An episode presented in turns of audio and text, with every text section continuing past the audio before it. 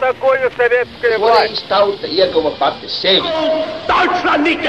Liktenīgas nejaušības un slēptas likumsakarības, subjektīvas patiesības un objektīvi aizspriedumi. Pēc atkušņa nekad nenāk uzreiz pavasars, bet sākās Arī šodien cilvēki ir ļoti tūredzīgi. Viņi redz to naudu, kas ir. Televīzijā jau pamatā notiek cīņa par varu. Pagātne no šodienas skatu punkta un šodienas caur pagātnes prizmu. Raidījumā šīs dienas acīm. Katru svētdienu Latvijas radio ēterā Eduards Liniņš. Labdien, cienījamie klausītāji! Nulikā sabiedrības vērtējumam nodots Latvijas PSR valsts drošības komitejas zinātniskās izpētes komisijas rakstu pirmais sējums - totalitārisma sabiedrības kontrole un represijas. Lai gan pēc ilgām administratīvi politiskām peripētijām komisija produktīvi strādājusi vien apmēram pusgadu, turpat 700 lapuses biezajā grāmatā ietverti vairāki nozīmīgi pētījumi. Skarta padomju drošības struktūras kontrolējošā un represīvā darbība radošajā vidē, baznīcā, turisma sfērā, cilvēku privātajā dzīvē un citur. Tāpat rakstu krājums atklāja pretošanos un opozīciju padomju varai. Šodien uz sarunu aicināju vienu no komisijas pētniekiem, vēsturnieku Artūru Žvinkli. Viņš analizējis Latvijas kompartijas arhīvā atrodamās augstāko valsts drošības komitejas darbinieku lietas. Nav iespējams pētīt valsts drošības komiteju, ja nezina neko par cilvēkiem, kas tur ir strādājuši. Tas ir tas pats pamats, kāpēc. Tad, protams, tur ir eh, virkne citu specifisku lietu, par ko mēs acīm redzot runāsim tālāk. Droši vien te mums ir jārunā pirmām kārtām par eh, šobrīd komisijas izpētēji pieejamajiem materiāliem. Tieši tā. Un šeit ir eh, vesela virkne problēmu, gan mūsu valsts iekšēnē. Es negribu te runāt pašlaik par to, ka nav pieejami Krievijas federācijas rīcībā un glabāšanā esošie eh, valsts drošības komitejas dokumenti, tie acīm redzot, visai tuvā un pat tālā nākotnē nebūs pieejami.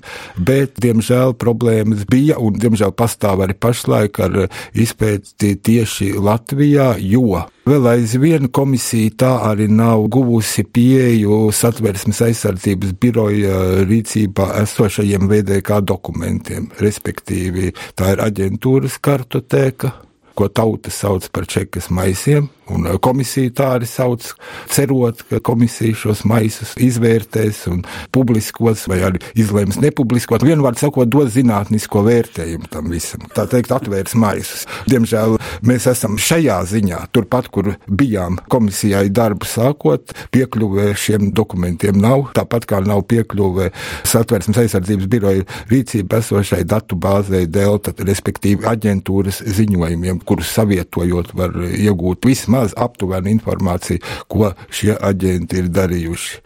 Tā problēma, ar ko es saskāros, tā ir, ka Latvijā nav valsts drošības komitejas personāla arhīva, respektīvi nav dienesta lietas, jeb kadru lietas. Tad jau būtu ļoti vienkārši, tad būtu sākot no augstākiem priekšniekiem, beidzot ar pēdējo operatīvo pilnvaroto. Tādas lietas nav. Šeit nākas strādāt tikai man pagaidām ar Latvijas komunistiskās partijas centrāla komitejas nomenklatūras lietām par attiecīgajiem valsts drošības komitejas darbiniekiem, respektīvi augstākā līmeņa darbiniekiem, jo, kā zināms, viņi visi bija kompartijas biedri, visi bija pakļauti kompartijas uzraudzībai stigrai, un tāpat kā par citiem nomenklatūrā ietilpstošajiem amatiem, arī par viņiem tika veidot šīs LKPCK nomenklatūras kadru lietas. Problēma vēl ir tā, ka, ja persona tika noņemta no attiecīga amata, vai amats tika izslēgts no nomenklatūras, ar to brīdi lieta pārtrūks. Tas nav tā, ka es varu aiziet arhīvā, dabūt lietu un skatīties visu biogrāfiju cauri no sākuma līdz beigām. Tur arī ir jāvāc galu galā pa drupačai kopā, pēc tam meklējot papildus citos arhīvu fondos attiecīgi, tā kā tas ir ļoti, ļoti darbietilpīgs process. Mums būtu jāiezīmē tā saistība starp valsts drošības komitejas darbību un šo kompartijas augstākās nomenklatūras sistēmu. Kāda tad bija tā sazobe? Sazobe bija vistiešākā, jo pirmkārt, kā Latvijas kompartija bija tikai PSKP teritoriāla organizācija, tas nozīmē pilnīgu centralizētu pakļautību PSKP centrālai komitejai, savukārt VDK pakļautības struktūra bija tikpat stingra, Latvijas PSR valsts drošības komiteja, precīzi ilgāku laiku viņi saucās Latvijas PSR ministru padomas valsts drošības komiteja, bija pakļauta attiecīgi PSRS valsts drošības komiteja, Krievijai, un šeit pakļautības principi bija ļoti strikti ievēroti. Vēl viena lieta.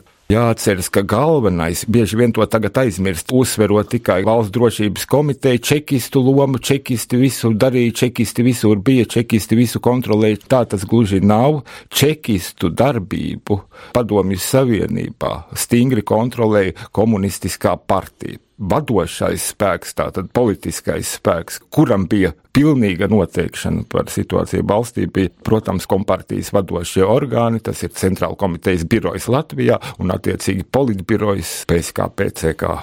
Tieši šīs struktūras noteica arī valsts drošības komitejas darbinieku uzraudzību un kontroli. Arī viņi tika kontrolēti no partijas puses un ļoti stingri. Tepat jāsaka, ka valsts drošības komitejas rajonu priekšnieki atradās diezgan stingrā vietējās rajonu komitejas kontrolē, jo uh, par pārkāpumiem tika piemēroti partijas sodi. Šajā gadījumā tika rakstīts attiecīgi partijas raksturojumi šiem cilvēkiem. Protams, ir jāprecizē, ka visu laiku valsts drošības komiteja nesaucās valsts drošības komiteja. Vispirms bija attiecīgi iekšlietu tautas komisariāts, jeb NKVD, pēc tam 41. gadā martā izveidoja valsts drošības tautas komisariātu, iepriekš attiecīgi iekšlietu tautas komisariātā bija valsts drošības pārvalde. Šo valsts drošības pārvaldi pārvērtā par atsevišķu tautas komisariātu. Pēc tam 46. gadā komisariāti tika pārveidoti par ministrijām un izveidota valsts drošības ministrija kura pastāvēja līdz 1953. gada pavasarim. 1953. gada aprīlī valsts drošības ministrija tika pievienota iekšlietu ministrijai pēc Lavrentija Pauloviča Berijas iniciatīvas, un pēc tam 54. gada pavasarī notika nākamā izmaiņa, un te mēs nonākam pie nosaukuma Latvijas PSR ministru padomas valsts drošības komiteja. Vai pētījums aptver visu Padomju Savienības pastāvēšanas laiku? Iecere ir tāda, ka viņš aptver visu periodu, jo tur var redzēt arī 40. 41. gada iekšlietu tautas komisariātu un valsts drošības tautas komisariāta darbiniekus, manis izveidotā valsts drošības struktūru vadošo darbinieku personu rādītājā. Un, protams, ka tam būtu jāaptver viss periods līdz 90. gadu sākumam. Te gan ir eh, virkne problēmu. Pagaidām ir vienīgā iespēja, kā es šo savu pētījumu varu veikt.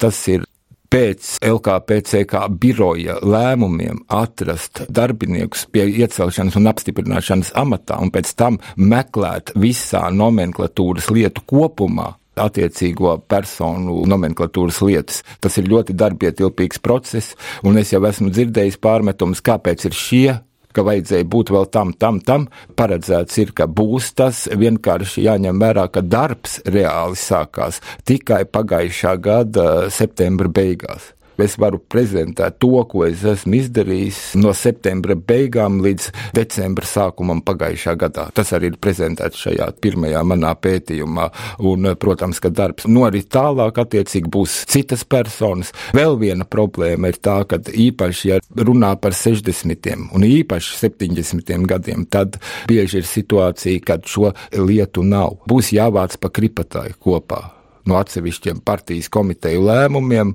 iecelšanu un apstiprināšanu sakarā. Un tā kā tiešām tas ir ļoti darbietilpīgs process. Un apgalvot un zvērēt, ka viņu var veikt divos gados, tas ir vienkārši neiespējami, jo tas, ko mēs noteikti visi ļoti labi zinām, ka tādās valstīs kā Vācija, kā Polija, šie pētījumi notiek vismaz 20 gadus, un arī tad veselas pētnieciskās institūcijas vēl nav tikušas galā. Pētniecības institūtu darbs, tas ir nevis ierobežotā laikā, divos gados pētnieku grupiņai mēģināt izdarīt to, kas nav darīts 20 gadus. Tas nav reāli. Tas prasa nevis kampaņu veidīgu pieeju, diemžēl Mums ir raksturīga kampaņa, veidīga, ā, būs Latvijas simtgade, nu tad veikli, veikli pāris gados izpētiet. Tas nav nopietni. Jāuzsver vēlreiz, šie materiāli nav valsts drošības iestāžu darbinieku profesionālās, respektīvi viņu dienesta darbības materiāli. Tās ir viņu kompartijas biedru lietas. Tieši tā, bet tad man ir nedaudz jāpakomentē, kas šajā lietā ir. Šajā lietā ir vispirms personālā kadru uzskaites lapa kurai bieži vien ir pievienota attiecīgā darbinieka fotografija.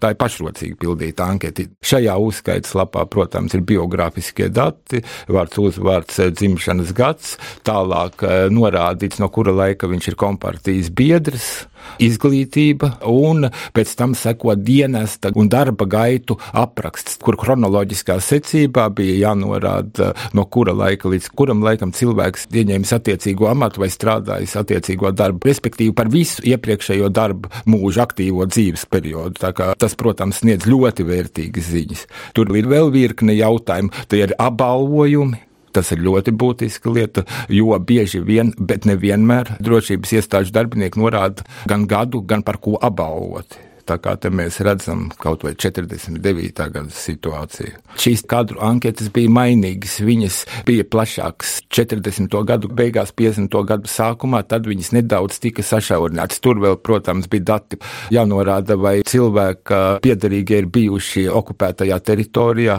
vai e, pats attiecīgais darbinieks ir bijis ārzemēs. Te atkal ir interesants moments, tiek norādīti viņu komandējumi ārzemju. Un pēc šīs kadru anketas seko vēl izziņa, jeb spravka eh, numur viens, tas ir mašīna rakstā, dublēta dienesta gaitas apraksta, bet precizējot bieži vien, jo eh, anketas šat tad eh, bija izpildījuši paviršāk, tad izziņa to visu precizē. Un tikai izpētot abus šīs dokumentus, gan personāla kadru uzskaitas lapu, gan izziņu paplašināto, var sastādīt daudz maz precīzu cilvēka dzīves gājumu, iegūt šīs ziņas par viņu iepriekšējo darbības periodu. Vēl viena būtiska lieta ir autobiogrāfijas. Autobiogrāfijas lielā mērā dublē dienesta gaitu aprakstu, ko cilvēks par sevi stāsta, un tomēr tur ir atsevišķi būtiski momenti, kas parāda, kad, piemēram, viņa radinieku lokā ir bijuši cilvēki, kas ir tiesāti, ir vai nav bijuši tiesāti, kā viņš ir nokļuvis valsts drošības orgānos. Lielākā daļā gadījumu tie ir partijas vai komjaunatnes iesaukumi, nosūtīšana uz attiecīgajām valsts drošības iestāžu skolām. Un pēc tam seko raksturojumi. Nu, un raksturojumi ir vismaz divējādi, un ir tā saukti apvienotie raksturojumi. Ir vienkārši partijas raksturojums, lielākoties ir standartizēts frāžu savirknējums, uzticīgs Ļeņina Staļina lietai, aktīvi studē Staļina darbus, sociālismu ekonomiskās problēmas, piemēram, kas nedod plašāku informāciju. Toties dienesta raksturojumi jau sniedz plašāku, bieži vien informāciju par to, ko cilvēks ir reāli darījis, ar ko viņš ir izcēlies, vai par ko viņš ir pelts, vai attiecīgi sodīts gan pa savu dienesta līniju, gan saņēmis partijas sodus. Bieži vien ar detalizētu aprakstu aprakstu, par ko šie sodi ir saņemti. Tas pamatā ir tas, kas ir šādā LKPCK nomenklatūras kadru lietā par valsts drošības iestāžu darbiniekiem. Vēlreiz konkretizējot, vai bija iespējama situācija, kad augsta ranga valsts drošības iestādes darbinieks neietilpst partijas nomenklatūrā? Cekas nomenklatūrā, ja tāda situācija izveidojās jau 70. gados, kad virkne ļoti atbildīgu un augstu valsts drošības komitejas amatu tika izslēgti no centrāla komitejas nomenklatūras, respektīvi attiecīgās lietas pārtrauktas par jaunieceltajiem darbiniekiem. Šādu lietu nav. Tepat var runāt par centrālā aparāta daļu vadītājiem. Tas ir gandrīz vai pats augstākais līmenis zem komitejas priekšēdētājiem un viņu vietniekiem palika rajonu priekšnieku līmenis, bet arī ne visi, kā es esmu konstatējis.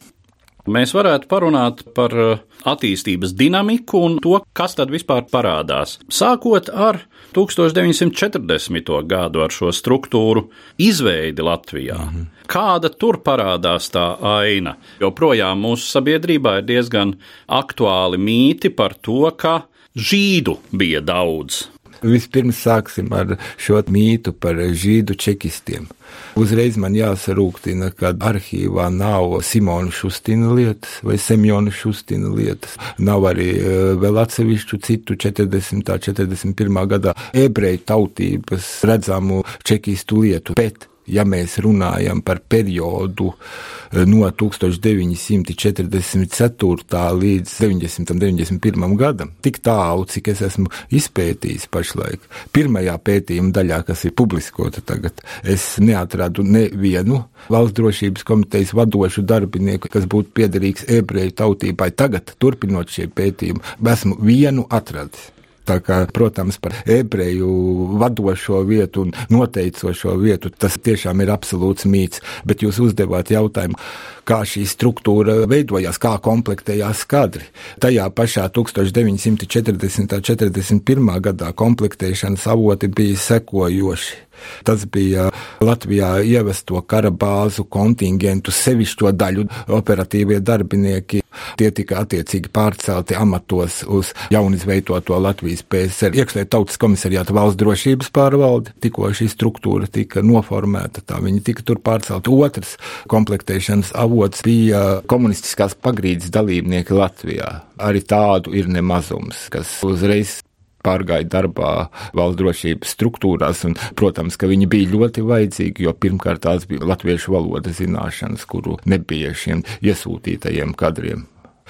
Tālāk, sākot jau ar 44. gadu, nākamā komplektēšanas grupa bija cilvēki, kas bija dienējuši latviešu bruņotajos formējumos sarkanajā armijā, respektīvi 201. latviešu strēlnieku divīzijā, 43. gvardas strēlnieku divīzijā. Tātad no šīm sfērām tika atlasīti cilvēki darbam valsts drošības iestādēs. Un vēl viens moments, kad ir diezgan daudz krievu tautības cilvēki, kas ir vietējie, tātad Latvijā dzīvojuši pirms 1940. gada. Arī bieži vien viņi iepriekš bijuši saistīti ar komunistisko pagrīdi.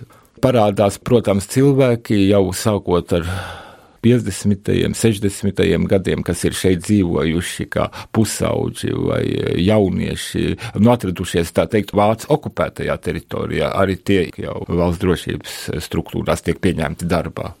Protams, ir ļoti interesanti jau tas, ko man ir izdevies izpētīt. Es pats nebiju savā laikā aizdomājies, cik iezīmīgs bija tieši 1953. gads, kad eh, valsts drošības ministrija tika pievienota uh, iekšlietu ministrijai. Tas augtais Laurentija Berijas laiks. Jo uh, Berija nepilnu divu mēnešu laikā, tas ir maijs, jūnijas pirmā puse, veids milzīgu kadru tīrīšanu Latvijā pēc vienas pazīmes, prot vai neprot latviešu valodu, ir vai nav nacionālais kadrs. Tas nozīmē šeit iepriekš iesūtītā kontingenta, kur daudzi bija tikko beiguši valsts drošības iestāžu skolas Maskavā, Ļeņingradā un atsūtīti uz šejieni par rajonu priekšniekiem masveidā šie cilvēki tika noņemti no priekšnieku amata, pazemināti par vietniekiem, vai atsaukt prom no republikas šajā īsajā brīdī. Un tāpat straujos tempos pa dienesta kāpnēm uzkāpa latviešu tautības kadri vai cilvēki, kas prata latviešu valodu, kur no vecākā operatīvā pilnvarotā apējot pat nodaļu vadītāju līmeni, cilvēki kļuva par rajonu priekšniekiem.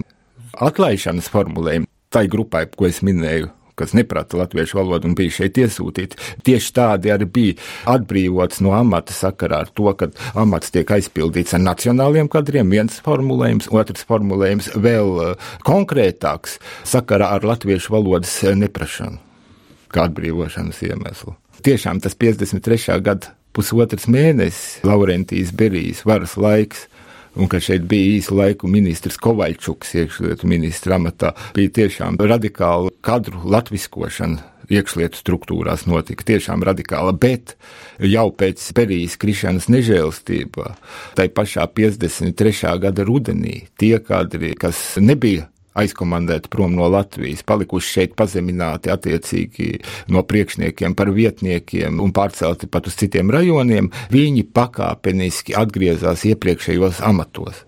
Pārcelt uz citu rajonu, jo tā rotācija bija diezgan milzīga. Bieži vien bija cilvēki, kas paspēja dažu gadu laikā pāris gadus vai pat vēl biežāk tikt pārceltiem no viena rajona priekšnieka amatu uz citu rajonu priekšnieka amatu, bet pakāpeniski notika viņu atgriešana atpakaļ iepriekšējos amatos un iepriekšējās pakāpēs.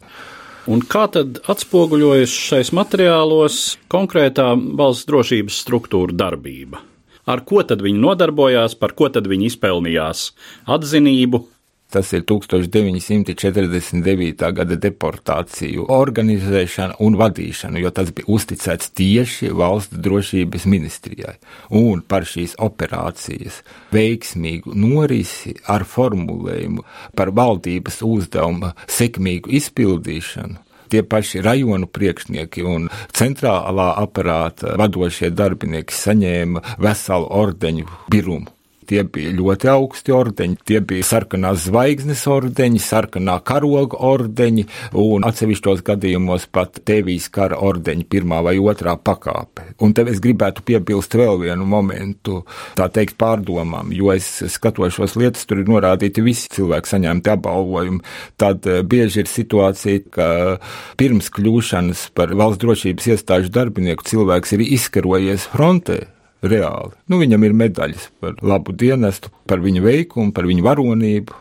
Bet tas, kas tajā laikā ir atradies sevišķajās daļās, vai nodarbojies ar ieslodzīto pratināšanu gulaga nometnēs, saņēmis tikmēr jau veselu ordeņu klāstu un karu beidz kā lielāks varonis par to, kas tiešām atradies frontē. Tā ir tāda viena iezīmīga detaļa, ko es esmu nofiksējis, skatot šīs lietas. Arī vēlreiz par šo 49. gadu, tā tad arī militāri. Kaujas ordeņi, kaujas apbalvojumi tiek piešķirti par neapbruņotu cilvēku, lielākoties sieviešu, bērnu un veču klādēšanu vagonos. Tieši tā. Pareizāk sakot, par šī procesa organizēšanu uz vietas. Turpat ir teikts, ka Kozīns ieņēma eh, savā laikā īsu brīdi pat valsts drošības ministra vietnieku amatu par to, ka viņš ir vadījis šo iekraušanas punktu darbību, bijis komandants, strādājis ļoti aktīvi. Nu, vienkārši tas sniegts raksturojumā šīs ziņas. Nu, protams, tas tiek attiecīgi atalgots ar ordeni. Jaunpetrovičs, piemēram, par aktīvu dalību Liepais apriņķa iedzīvotāju deportāciju veikšanā, arī apbalvots ar sarkanās zvaigznes ordeni. Nu, un, protams, parādās atsevišķas detaļas par to, kādas tad šie darbinieki ir veikuši operācijas. Tas ir cīņa pret nacionāliem partizāniem atzīmēta, kad aktīvi veikts tāds vai cits militārās operācijas pret viņiem, kurās atzīmēta tieši šī konkrētā priekšnieka aktīva līdzdalība vai vadīšana. Vai bija kāds priekšnieks, kurš šādās operācijās arī gāja bojā? Nomenklatūras lieta pārtrūkst eh, bieži vien un netiek fiksēts. Man ir arī bijis, nu pat kā skatītā lietā, cilvēks ir miris 1946. gada decembrī atzīmēts, ka miris pavisam citā lietā par nākamā priekšnieka iecelšanu. Sakarā ar iepriekšējā priekšnieka nāvi iecelts nākamais. Bet paņemot šī konkrētā cilvēka lietu. Lieta noslēdzas ar 46. gada decembri attiecīgi un nav pat pieminēts par viņa nāvis apstākļiem nekas, bet ir viens cits moments. Ir vēl viena sadaļa šajā personāla kadru uzskaitas lapā. Tā ir sadaļa par veselības stāvokli un gūtajiem ievainojumiem. Un tur ir norādes par ievainojumiem frontē, nu kur ir guvuši. Un man vismaz trīs, četriem ir bijušas eh, norādes, ka viņi guvuši ievainojumus cīņās ar, kā toreiz teica, bandītiem, respektīvi nacionālajiem partizāniem. Ir šādas norādes par gūtajiem ievainojumiem šādās operācijās. Tādas ziņas tiešām ir atrodamas atsevišķās lietās. Protams, attiecīgi par citādi domājošo vajāšanām, protams, atzīmēts, ka aktīvi tāds un tāds priekšnieks veids profilaktisko darbu, kad rajonā nav šādu pārkāpumu, fiksēti tikai pateicoties šī konkrētā darbinieka aktivitātei. Šādas atzīmes atrodams, jo ir tikai atsevišķās lietās, kur ir nosaukts konkrētas lietas ar konkrētiem vārdiem vai konkrētiem apstākļiem. Pārsvarā tomēr viņas ir vispārīgas, jo diemžēl nav šīs reālās dienesta lietas. Tas ir faktiski ņemts no raksturojumiem. Droši vien arī ļoti interesants moments, cik tālu un ja tas parādās, ir partijas sodi. Par ko tad šie darbinieki ir saņēmuši iespējams partijas nopēlumu vai pat konkrētu sodīšanu. Jā, partijas sodi tā ir vesela sadaļa atsevišķi, par ko ir vērts parunāt. Šeit ir visdažādākā lietas bijušas. Bija priekšnieks Boko Vikovs, daļas vadītājs no 44. līdz 51. gadam šķiet. Un viņš savu amatu zaudēja un tika aizsūtīts Taģikistānas valsts drošības ministrijas rīcībā par to, ka dzīvojis amorālu dzīvesveidu. Nav dzīvojis kopā ar savu sievu, bijusi mīļākā. Tas viss detalizēti, protams, lēmumā ir norādīts, un par šo amorālo dzīvi viņš attiecīgi tiek pārcelts darbā uz tālu, tālu Vidusāzijas republiku. Tāds viens fakts. Vēl ir vesela virkne interesantu faktu par to, ka kaut vai bija priekšnieks Rūlis, kurš vispār uzkalpojās līdz valsts drošības komitejas priekšēdētāja vietnieka amatam, un viņš savu amatu zaudēja un stingro partijas sodu saņēma, jo sodot pa partijas līniju, bieži vien bija stingrais rājiens ar ierakstu noņēmt no amata tieši ar šādu formulējumu. Šis priekšnieks amatu zaudēja par to, ka 1968. gadā, 21. augustā, ienākot PSRS karaspēkam Čekoslovākijā, visās valsts drošības komitejas struktūra vienībās bijusi izsludināta paaugstināta kaujas gatavība, respektīvi trauksmes stāvoklis, un viņš bijis pazudis. Viņu nekur nevarējuši atrast, un darbā ieradies tikai pēc tam, un par to arī attiecīgi atbrīvots. Tad ir, protams, alkohola lietošana. Tas, protams, Cik masveidīgi? Es teikšu, ka diezgan masveidīgi. Protams, nevajag arī pārspīlēt, ka visi čekas priekšnieki to vien darīja, kā tikai dzēra savā amatā. Tas arī nav tā, bet diezgan, diezgan izplatīti. Tad eh, partijas soda stingrais rājiens ar ierakstu viens priekšnieks saņēma par to, ka viņš kopā ar rajona komitejas sekretāru braukuši automašīnā, kuru sabraukusi cilvēku. Tur nav konkrētāk par apstākļiem, vai tur bijis alkohola reibums. Nav bijis viņš par to gan amatu nezaudēja tajā brīdī, bet stingrais rājiens ar ierakstu viņam par to bija. Vai parādās arī kādas ideoloģiskas nobīdes vai iespējams, teiksim, mutes palaišana. Jā, tas nav no tām lietām, ko es pašlaik aplūkoju. Es paralēli strādāju pie 1959. gada Nacionāla komunistu sagrāvis jautājumiem, respektīvi ar jūlija plēnumu materiālu sagatavošanu, publicēšanai dokumentu krājumā, un bija situācija un dokumenti par divu valsts drošības komitejas darbinieku sodīšanu ar partijas sodiem stingro rājienu un ar ierakstu par to, ka viņi partijas sapulcē bija atļāvušies izteikt savas domas, un viens no viņiem tika pat atbrīvots no dienesta valsts drošības komitejā un kļuva par parastu strādnieku rūpnīcā. Šai gadījumā, diemžēl, nav lielāka konkrētība, kādā veidā tas notika, bet šādi fakti ir. Tad vēlreiz iezīmējot pētījuma turpmāko perspektīvu. Turpmākā perspektīva varētu būt tāda, kad es turpinu tādā pašā veidā. Tā kā šajā pirmā pētījuma aizsākumā, protams, ideāli būtu, ja būtu iespējams, izveidot biogrāfisku vārnīcu no šī vākuma. Tas ir šo valsts drošības iestāžu augstāko darbinieku biogrāfisko vārnīcu. Tas būtu ļoti labi, bet laiks mums ir ierobežots, un mani biedē tas, ka pēc 2018. gada 31. maija, kad beigsies komisijas mandāts, atkal šī pētniecība, tāpat kā visa pārējā vēstures pētniecība, lielā mērā atkal pārvērtīsies par hobiju Nu, ja jūs vēlaties, varat darīt, bet finansējuma tam nebūs. Jo arī tas, ko es pašlaik daru, te faktiski šis darbs būtu darāms cilvēku grupai nevis man vienam, jo tas ir grūti, grūti vienam paceļams, faktiski nepaceļams jautājums. Tas būtu labi, ja varētu, protams, to turpināt, un ja pietiktu mūsu valstī un saimai saprāta, ka šis jautājums nav kampaņu veidīgi risināms, ka tiešām ir jāveido Latvijā pēc tā paša parauga, ko jau es minēju sākumā, kā dara Austrum Eiropas valstīs, jāveido atsevišķs pētniecības centrs vai institūts, un tiešām tas jādara pamatīgi un ar piemērotu atbilstošu finansējumu un atbilstošiem spēkiem. Nevis to darīt kampaņu veidīgi, haotiski, pavirši, jo šāda steiga var radīt tikai paviršību un nespēju iedziļināties šajos jautājumos. Tas ir jāņem vērā. Tā kā jācer uz to. Manuprāt, šīs cerības nav lielas, ņemot vērā, kāda ir situācija arī pašlaik ar komisijas darbu. Tas, protams, ir atsevišķs analīzes vērts jautājums, bet vairāk attiecas ne uz vēstures pētniecības, bet gan uz politikas analīzes sfēru. Bet, protams, var pievienoties tevis izteiktajām cerībām un vēlēt tev veiksmi turpmākajā darbā. Par šo sarunu es saku paldies vēsturniekam Arturam Žvinklim. Katru svētdienu Latvijas radio viens par pagātni sarunājas Eduards Liniņš.